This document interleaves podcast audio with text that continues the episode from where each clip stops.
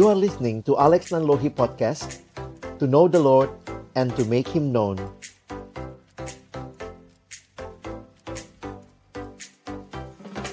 Mari berdoa sebelum kita membaca merenungkan firman-Nya. Kami datang dalam ucapan syukur hari ini. Terima kasih ibadah ini Tuhan berikan bagi kami. Kami boleh datang memuji, memuliakan namamu dan tiba waktunya bagi kami untuk mendengarkan firman-Mu. Kami percaya firman-Mu adalah firman yang hidup dan yang menghidupkan, firman yang kudus dan yang menguduskan, firman yang tidak berubah, tetapi firman yang kami percaya sanggup mengubah kehidupan kami. Itulah yang kami rindukan jadi bagian dari semua kami yang berkumpul di dalam ruang virtual ini. Kami mohon ya Tuhan, tolong kami bukan cuma jadi pendengar-pendengar firman yang setia, tapi mampukan dengan kuasa, dengan pertolongan dari rohmu yang kudus, kami dimampukan menjadi pelaku-pelaku firman-Mu di dalam hidup kami, di dalam masa muda kami. Bersabdalah ya Tuhan, kami anak-anakmu sedia mendengarnya, dalam satu nama yang kudus, nama yang berkuasa, nama Tuhan kami Yesus Kristus, kami menyerahkan pemberitaan firman-Mu. Amin. Shalom, selamat pagi Bapak Ibu dan juga anak-anak, adik-adik yang saya kasihi dalam Tuhan Yesus Kristus. Hari ini dalam kesempatan kita merenungkan firman Tuhan, saya ingin mengajak kita sama-sama akan membaca dan merenungkan bagian firman Tuhan yang akan melandasi pembahasan kita tentang tema lost and found. Wah, kalau ingat seperti ini tuh langsung ingatnya di mana nih ya? Di tempat-tempat tertentu kayak di mall mungkin atau mungkin di uh, ada apartemen juga yang punya lost and found ya tempat di mana kita hal-hal uh, yang hilang tuh bisa kita temukan begitu ya. Nah, pertanyaan sederhana, pernah nggak teman-teman salah jalan ya? Biasanya kalau jalan, salah jalan, misalnya buntu begitu, apa yang dilakukan? Saya pikir yang paling sederhana adalah orang akan muter balik, ya. Tetapi ketika kita salah jalan, memilih harus ikut yang mana, ya, mau yang ke surga atau yang neraka, saya pikir nggak ada uh, no turning back ya. Kita harus dengan sadar, dengan pemahaman, memilih akan hal ini dalam kehidupan kita. Hidup memang penuh dengan banyak pilihan, tetapi saya pikir dua pilihan ini menjadi salah satu yang terpenting bagi kehidupan setiap kita. Saya memang pernah lihat teman-teman ya, ada anak remaja tuh ya pakai t-shirt. Wah, t-shirtnya tulisnya gini ya. Masa kecil bahagia, masa muda foya-foya, tua kaya raya, mati masuk surga. Wah, kalau ada hidup yang kayak begini, pasti ke Alex yang daftar duluan begitu ya. Tapi itulah, hidup tidak selamanya seperti ini, bahkan kita harus menyadari bahwa dalam banyak pilihan-pilihan yang harus kita buat, kita mungkin salah pilih, dan kalau salah pilih, yuk buru-buru putar balik ya. Dalam bagian yang akan merenung eh, yang mendasari perenungan kita, ini bagian terkenal sekali dalam Lukas pasal yang ke-15 ayat 11 sampai 32. Kita akan melihat tentang uh, perumpamaan ya anak yang hilang. Nah, saya akan bacakan buat kita dan teman-teman sambil karena mungkin ini udah sering dibacain ya. Coba sambil Alex baca nanti kalian bisa pikirin gitu ya. Pilihan-pilihan apa sih yang dimiliki oleh sang anak? Pilihan apa sih yang dimiliki oleh sang bapak ya? Nanti kita akan lihat sama-sama ya. Ingat anaknya ada dua ya. Ada yang sulung, ada yang bungsu ya. Sebenarnya mereka semua punya pilihan-pilihan yang bisa mereka ambil, yang bisa mereka lakukan. Kita mulai dari ayat 11. Yesus berkata lagi, Berarti sebelumnya Yesus sudah ngomong ya, nanti kita lihat konteksnya. Ada seorang mempunyai dua anak laki-laki. Kata yang bungsu kepada ayahnya, Bapa, berikanlah kepadaku bagian harta milik kita yang menjadi hakku. Lalu ayahnya membagi-bagikan harta kekayaan itu di antara mereka. Beberapa hari kemudian anak bungsu itu menjual seluruh bagiannya lalu pergi ke negeri yang jauh. Di sana ia memboroskan harta miliknya dengan hidup berfoya-foya ya sekalian saya kasih keterangannya. Ya tidak gampang ya. Bapaknya masih hidup udah minta warisan nih anak kurang ajar juga gitu ya. Dan makanya kayak nyumpahin ya cepet mati aja lah pah kira-kira begitu ya. Ayat 14 Setelah dihabiskannya semuanya, timbullah bencana kelaparan di dalam negeri itu dan ia pun mulai melarat. Lalu ia pergi dan bekerja pada seorang majikan di negeri itu. Orang itu menyuruhnya ke ladang untuk menjaga babinya. Lalu ia mengisi, ia ingin mengisi perutnya dengan ampas yang menjadi makanan babi itu. Tetapi tidak seorang pun yang memberikannya kepadanya. Lalu ia menyadari keadaannya, katanya, Betapa banyaknya orang upahan Bapakku yang berlimpah-limpah makanannya. Tetapi aku di sini mati kelaparan. Aku akan bangkit dan pergi kepada Bapakku dan berkata kepadanya, Bapa, aku telah berdosa terhadap sorga dan terhadap Bapa. Aku tidak layak lagi disebutkan anak Bapa. Jadikanlah aku sebagai salah seorang upahan Bapa. Maka bangkitlah ia dan pergi kepada bapaknya, Ketika ia masih jauh, ayahnya telah melihatnya, lalu tergeraklah hatinya oleh belas kasihan. Ayahnya itu berlari mendapatkan dia, lalu merangkul dan mencium dia. Kata anak itu kepadanya, Bapa, aku telah berdosa terhadap sorga dan terhadap Bapa. Aku tidak layak lagi disebutkan anak Bapa. Tetapi ayah itu berkata kepada hamba-hambanya, Lekaslah, bawa kemari jubah itu yang jubah yang terbaik, pakaikanlah itu kepadanya dan kenakanlah cincin pada jarinya dan sepatu pada kakinya. Dan ambillah anak lembu tambun itu dan sembelilah dia dan marilah kita makan dan bersuka cita. Sebab anakku ini telah mati dan telah menjadi hidup kembali. Ia telah hilang dan didapat kembali. Maka mulailah mereka bersukaria. Tetapi anak yang sulung berada di ladang dan ketika ia pulang dan dekat rumah ke rumah, ia mendengar bunyi seruling dan nyanyian tari-tarian. Lalu ia memanggil salah seorang hamba dan bertanya kepadanya, "Apa arti semuanya itu?" Jawab hamba itu, "Adikmu telah kembali dan ayahmu telah menyembelih anak lembu tambun karena ia mendapatnya kembali dengan sehat." Maka marahlah anak sulung itu dan ia tidak mau masuk. Lalu ayahnya keluar dan berbicara dengan dia. Tetapi ia menjawab ayahnya katanya, telah bertahun-tahun aku melayani Bapa dan belum pernah aku melanggar perintah Bapa. Tetapi kepadaku belum pernah Bapa memberikan seekor anak kambing untuk bersuka cita dengan sahabat-sahabatku. Tetapi baru saja datang anak bapa yang telah memboroskan harta kekayaan bapa bersama-sama dengan pelacur-pelacur, maka bapa menyembeli anak lembu tambun itu untuk dia.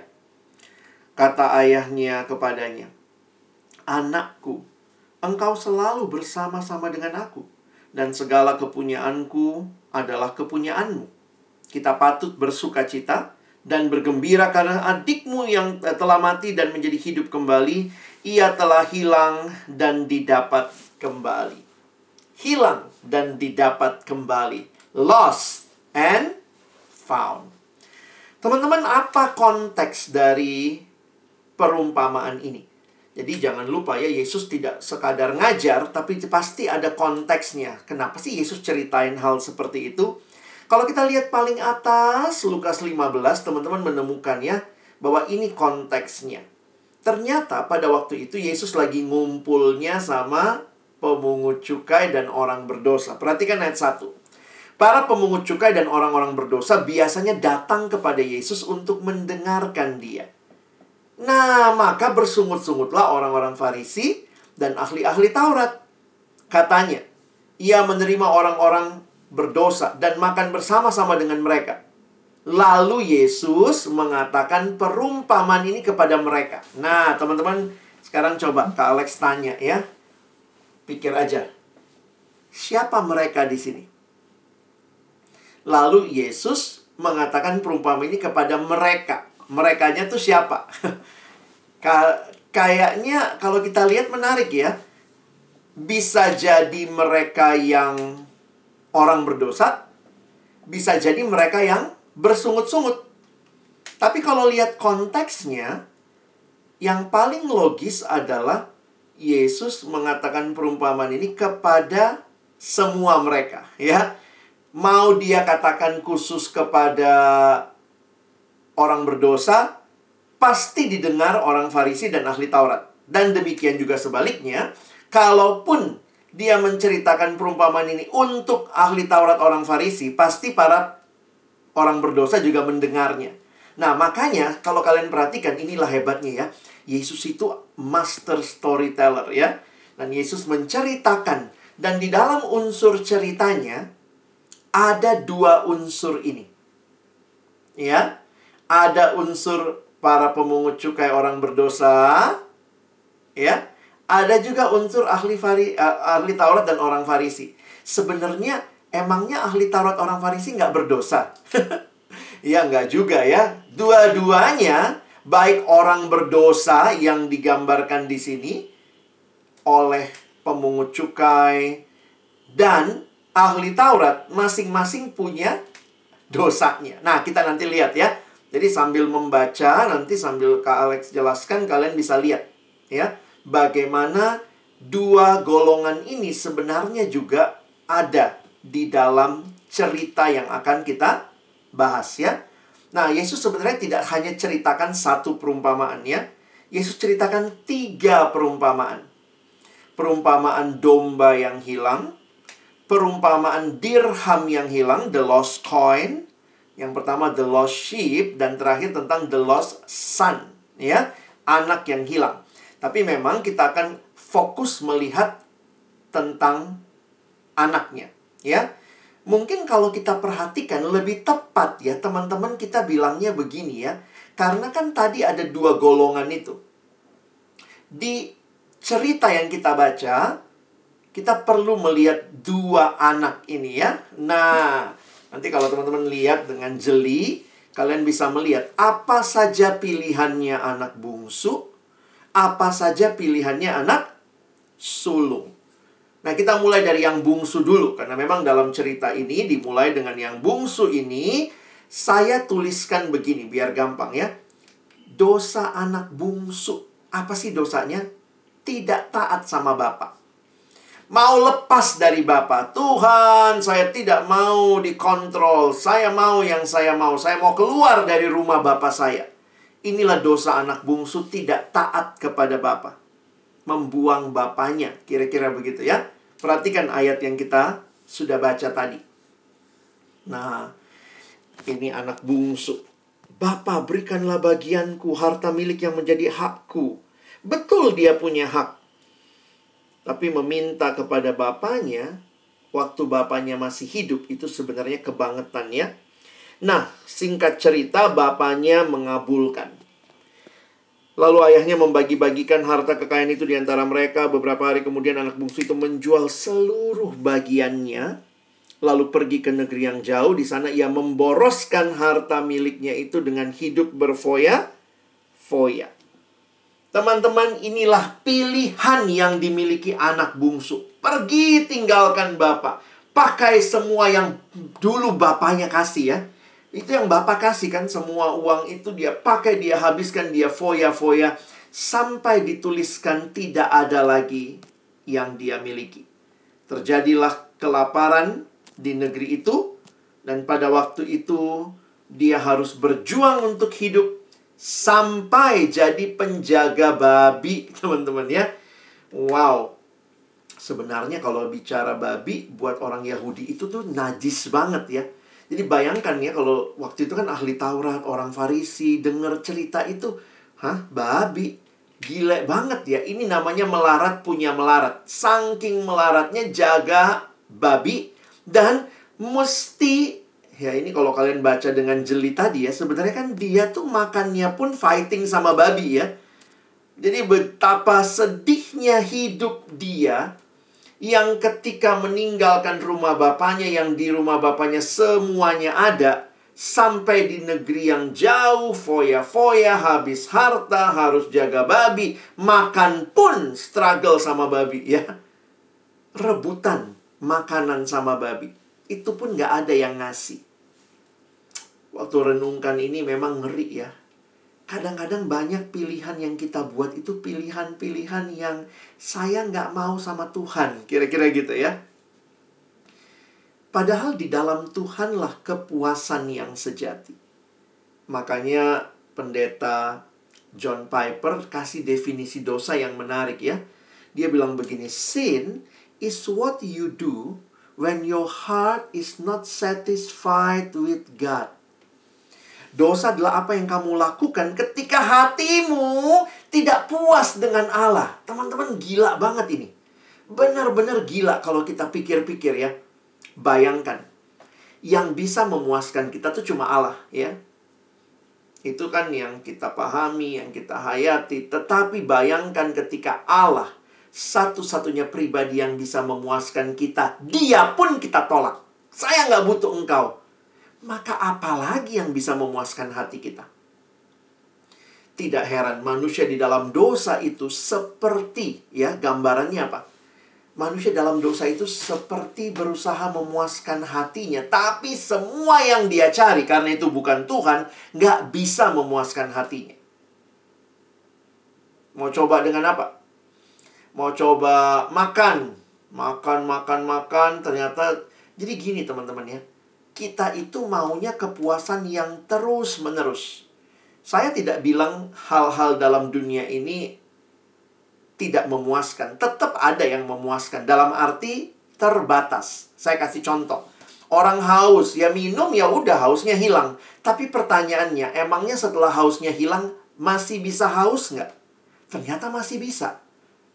Itu menunjukkan bahwa sebenarnya semua hal yang kita bilang memuaskan tidak akan pernah memuaskan secara sempurna.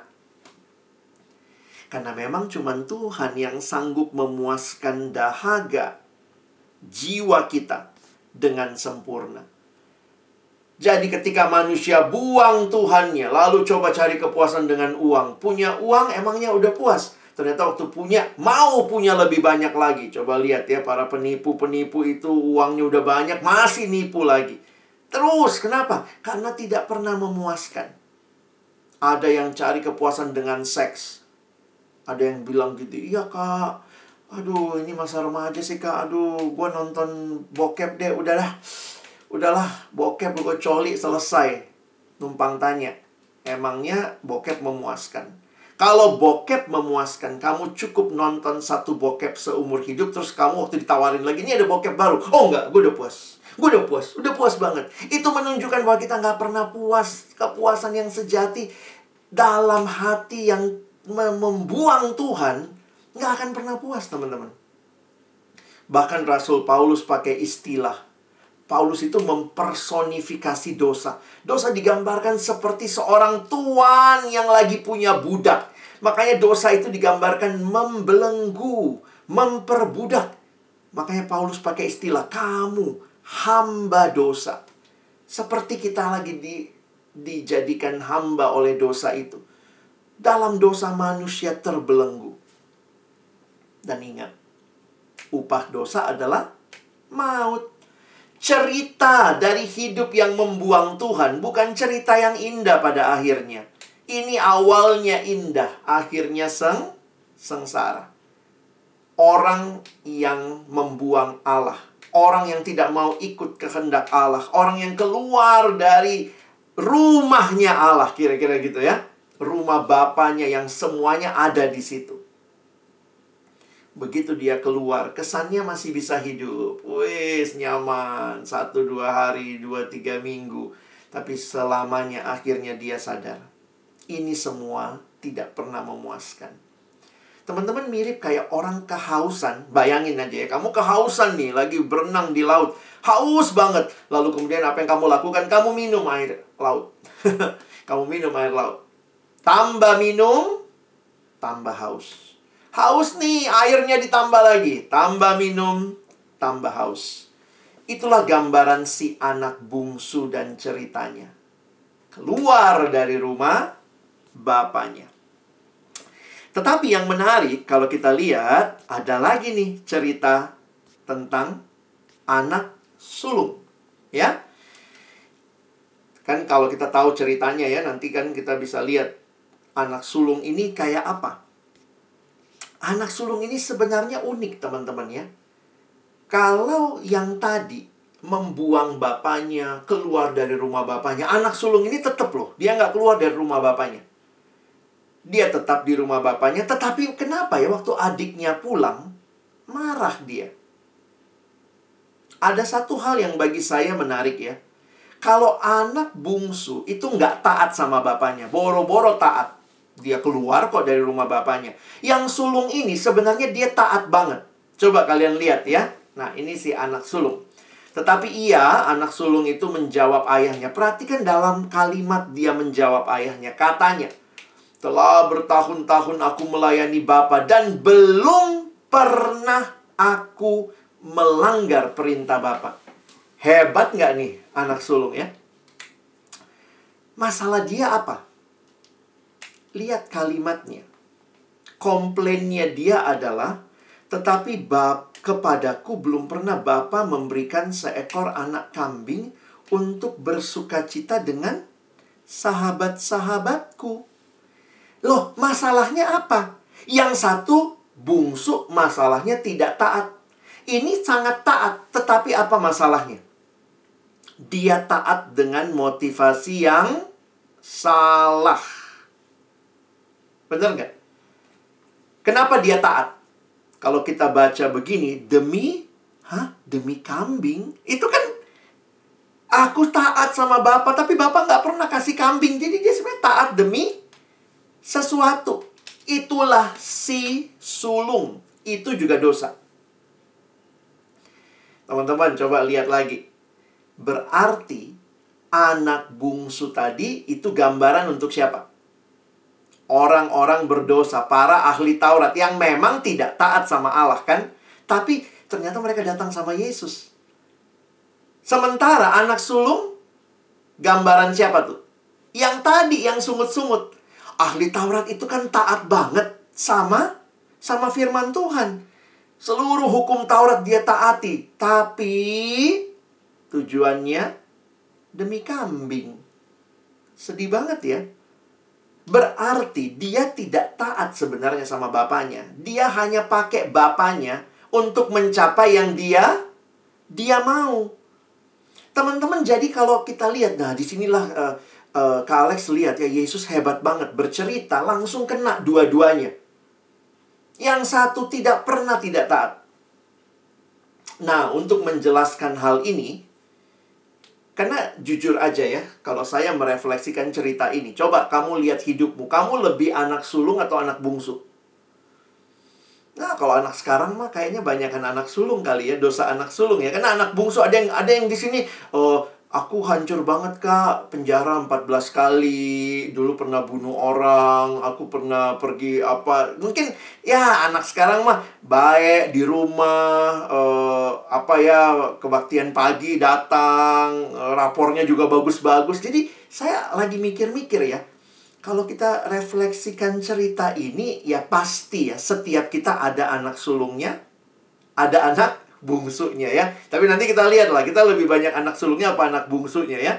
Nah, untuk menjelaskan ini, saya pinjam ilustrasi dari seorang teolog, uh, seorang pengkhotbah namanya Charles Spurgeon. Jadi Bapak Charles Spurgeon ini menggambarkan anak sulung ini, dia kasih ilustrasi tentang nanti kalian bisa cari di internet ya, the king, the carrot and the horse. Ya, apa sih ceritanya? Dia cerita begini ya. Jadi satu waktu ada seorang petani nih ya. Seorang petani datang sama raja karena dia hidup di kerajaan. Pas dia panen, wah dia dapat wortelnya, carrot yang terbaik. Dia datang sama raja ya. Dia bilang, "Ya raja, inilah carrot saya yang terbesar dan terbaik. Saya persembahkan sama raja." Dia datang ke istana, dia bawa, dia persembahkan sama raja. Raja ya dikasih carrot ya seneng ya. Oh thank you, thank you. Raja terima. Nah karena dia memang mau mempersembahkan carrot itu, wortel itu. Begitu dia sudah selesai persembahkan, dia balik badan, dia mau pulang. Terus tiba-tiba Raja bilang begini, eh beh bentar, bentar, bentar. Saya sangat tersentuh dengan ketulusan hatimu. Oke, boleh nggak saya mau kasih sama kamu sepertiga kebun istana. Wih, Raja kasih sepertiga kebun istana. Silahkan kamu pakai. Kamu bisa kembangkan pertanian yang kamu mau. Dia bilang, wah raja makasih. Bener nih raja? Iya, saya kasih kamu sepertiga kebun istana. Wah, dengan gembira dia pulang. Waktu dia keluar istana, dia ketemu temennya. Temennya bilang, lo kok gak girang banget? Kok happy banget? Oh, aku baru ketemu raja. Ya banyak juga orang ketemu raja kok kamu girang banget. Ngapain ketemu raja? Tadi tuh saya bawa wortel hasil panen kepada raja. Terus raja terima. Loh terus kenapa kamu girang? Iya, raja kasih saya sepertiga kebun istana. Wih, begitu dengar begitu. Wow, dia bawa carrot yang nggak seberapa dikasih sepertiga kebun istana. Ah, akhirnya orang ini pulang. Dia bukan petani, dia peternak kuda. Akhirnya waktu dia sampai di rumahnya, dia lihat kuda-kudanya, dia pilih satu kuda. Inilah kuda yang paling gagah, kuda yang terbesar dan terbaik. Dan besok paginya dia datang lagi ke istana raja.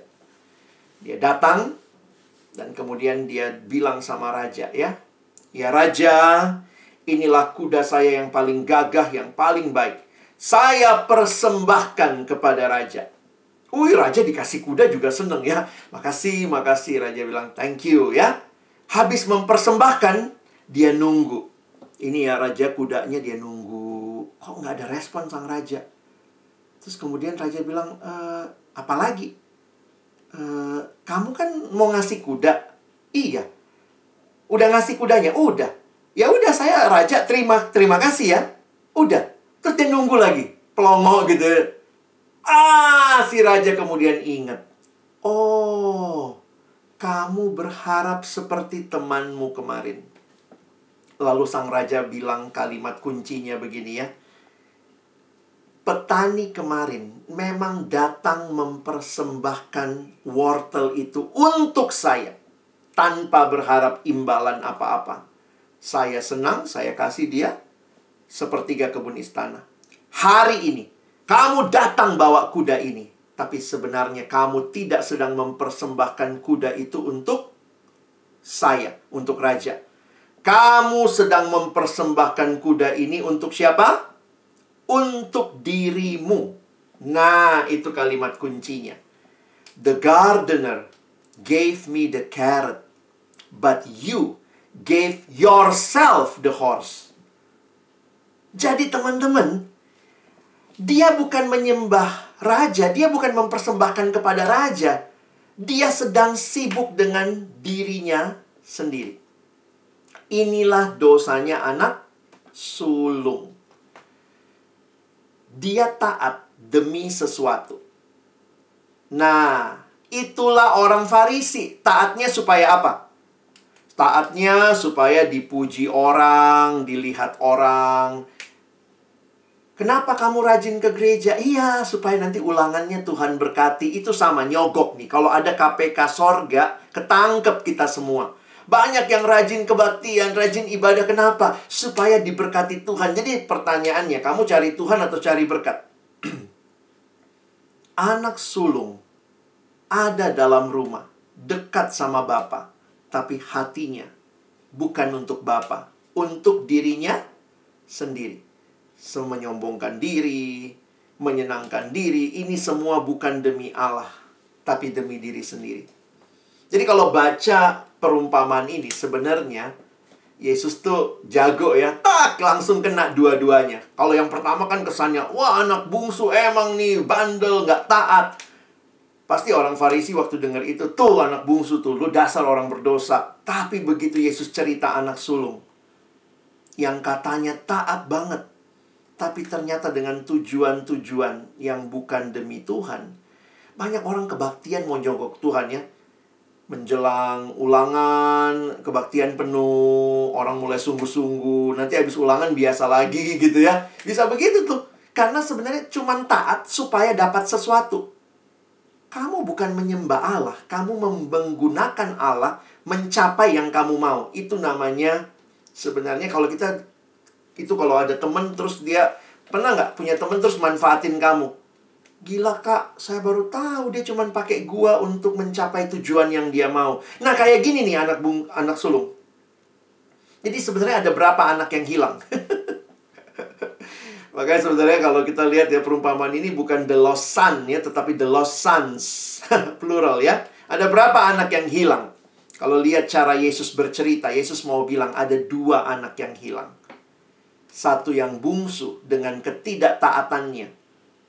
Satu yang sulung. Dengan ketaatan demi demi sesuatu.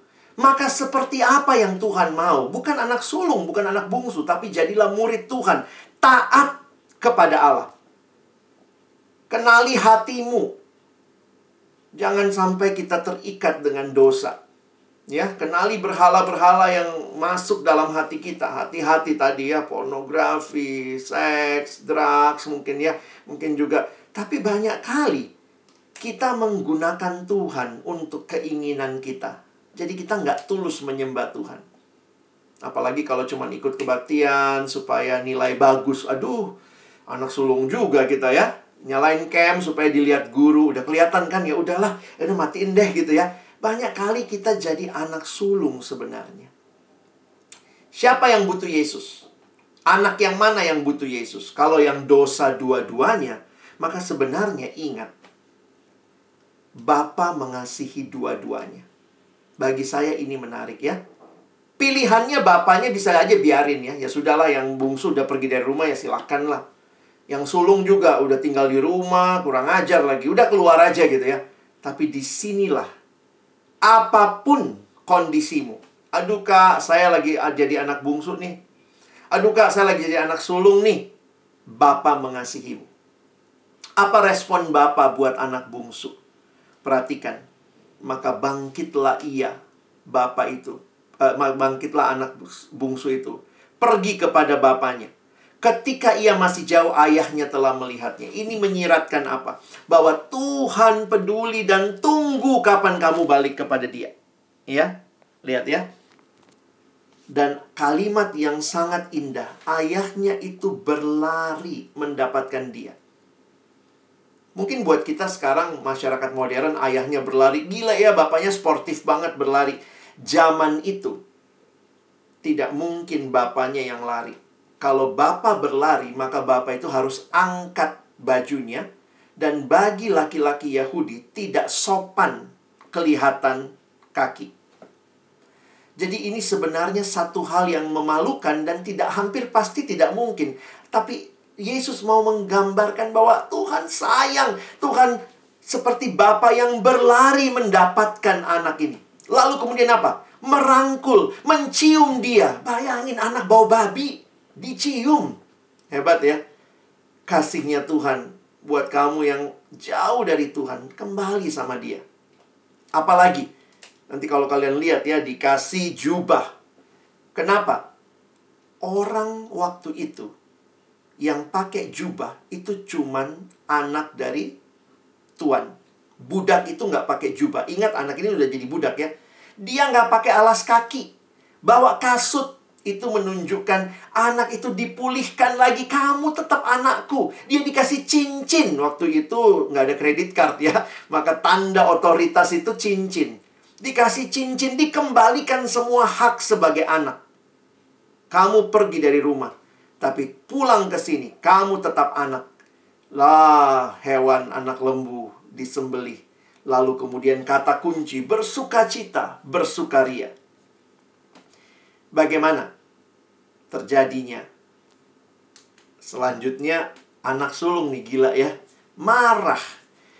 Waktu saya baca anak sulung saya pikir ya udah mungkin bapaknya nggak nggak gimana gimana banget ya. Tapi teman-teman lihat ya. Waktu Kak Alex perhatikan bapaknya keluar. Kalau saya jadi bapaknya, pilihan saya gini ya. Lu nggak mau masuk ya udah tinggal aja di luar gitu ya. Tapi anak tidak mau masuk, bapaknya keluar. Ini bentuk kasih yang bagi saya juga luar biasa. Bapa yang mengasihi, mengejar yang bungsu, berlari mendapatkan, tetapi bahkan juga kepada yang merasa dekat dengan Tuhan. Tuhan keluar sekali lagi dan ingatkan, I love you. Tuhan mengasihi kita. Yesus mati di kayu salib mau menunjukkan kasih Allah yang tidak terbatas. Pendeta Billy Graham katakan salib adalah bukti termulia dari kasih Allah. Salib menyingkapkan kasih terbesar dalam dunia. Dengan pengorbanan di kayu salib, Yesus mau mengatakan, "Aku mengasihimu. Kembali kepadaku." Bagaimana respon kita? Kalau kita udah lihat ya, anak sulung, anak bungsu, Tuhan mengasihimu, Tuhan mau kamu taat kepadanya. Ayo kita kembali ya. Kalau sudah jauh dari Tuhan, aduh kak, gue lagi malas banget nih. Gue jatuh dalam dosa, itu lagi, itu lagi. Oh, kelihatannya baik di depan, tapi ternyata di hatinya motivasinya kayak anak sulung. Yuk, kita kembali. God allows you turns. Buka hatimu terima Yesus. Apa artinya terima Yesus? Percaya. Dia Tuhan dan Juru Selamat pribadimu bukan hanya percaya, berubah, ada pertobatan. Paulus gunakan kalimat ada yang ditanggalkan, ada yang dikenakan. Responi kasih Allah. Rindukan perubahan. Bilang Tuhan aku gak mau hidup seperti dunia. Aku mau hidup bagimu. Bicara dosa, biarlah aku bisa berkata tidak, no to sin, but yes to God. Ya jangan dibalik gitu ya. Sin yes God no. Nggak bisa. Buat kita yang sudah melihat kasih Allah yang membuka tangannya bagi kita biarlah kita berkata sin no. God yes. Tuhan menolong kita untuk boleh jadi anak-anak yang kembali meresponi anugerah Tuhan dengan hidup kita. Mari berdoa.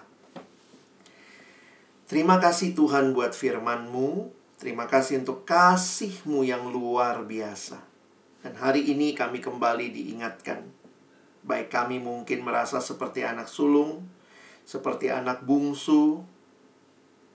Tapi Tuhan, Engkau mengasihi kami. Dan Tuhan tidak mau kami terus-menerus hidup di dalam dosa. Tuhan tidak mau kami terus-menerus hidup di dalam kemunafikan, kepura-puraan, motivasi yang salah. Tuhan mau kami hidup bagimu, bukan bagi diri kami sendiri. Karena itu Tuhan tolong kami juga punya pilihan hari ini. Pilihan untuk terus menikmati dosa, terus dengan motivasi hati yang salah, atau pilihan untuk kembali kepada Tuhan dan hidup hanya bagimu. Tolong kami jadi siswa-siswi yang mempermuliakan nama Tuhan, bukan siswa-siswi yang mempermalukan Tuhan. Kami bersyukur Tolong kami bukan cuma jadi pendengar, tapi jadi pelaku firman. Dalam nama Yesus kami berdoa. Amin.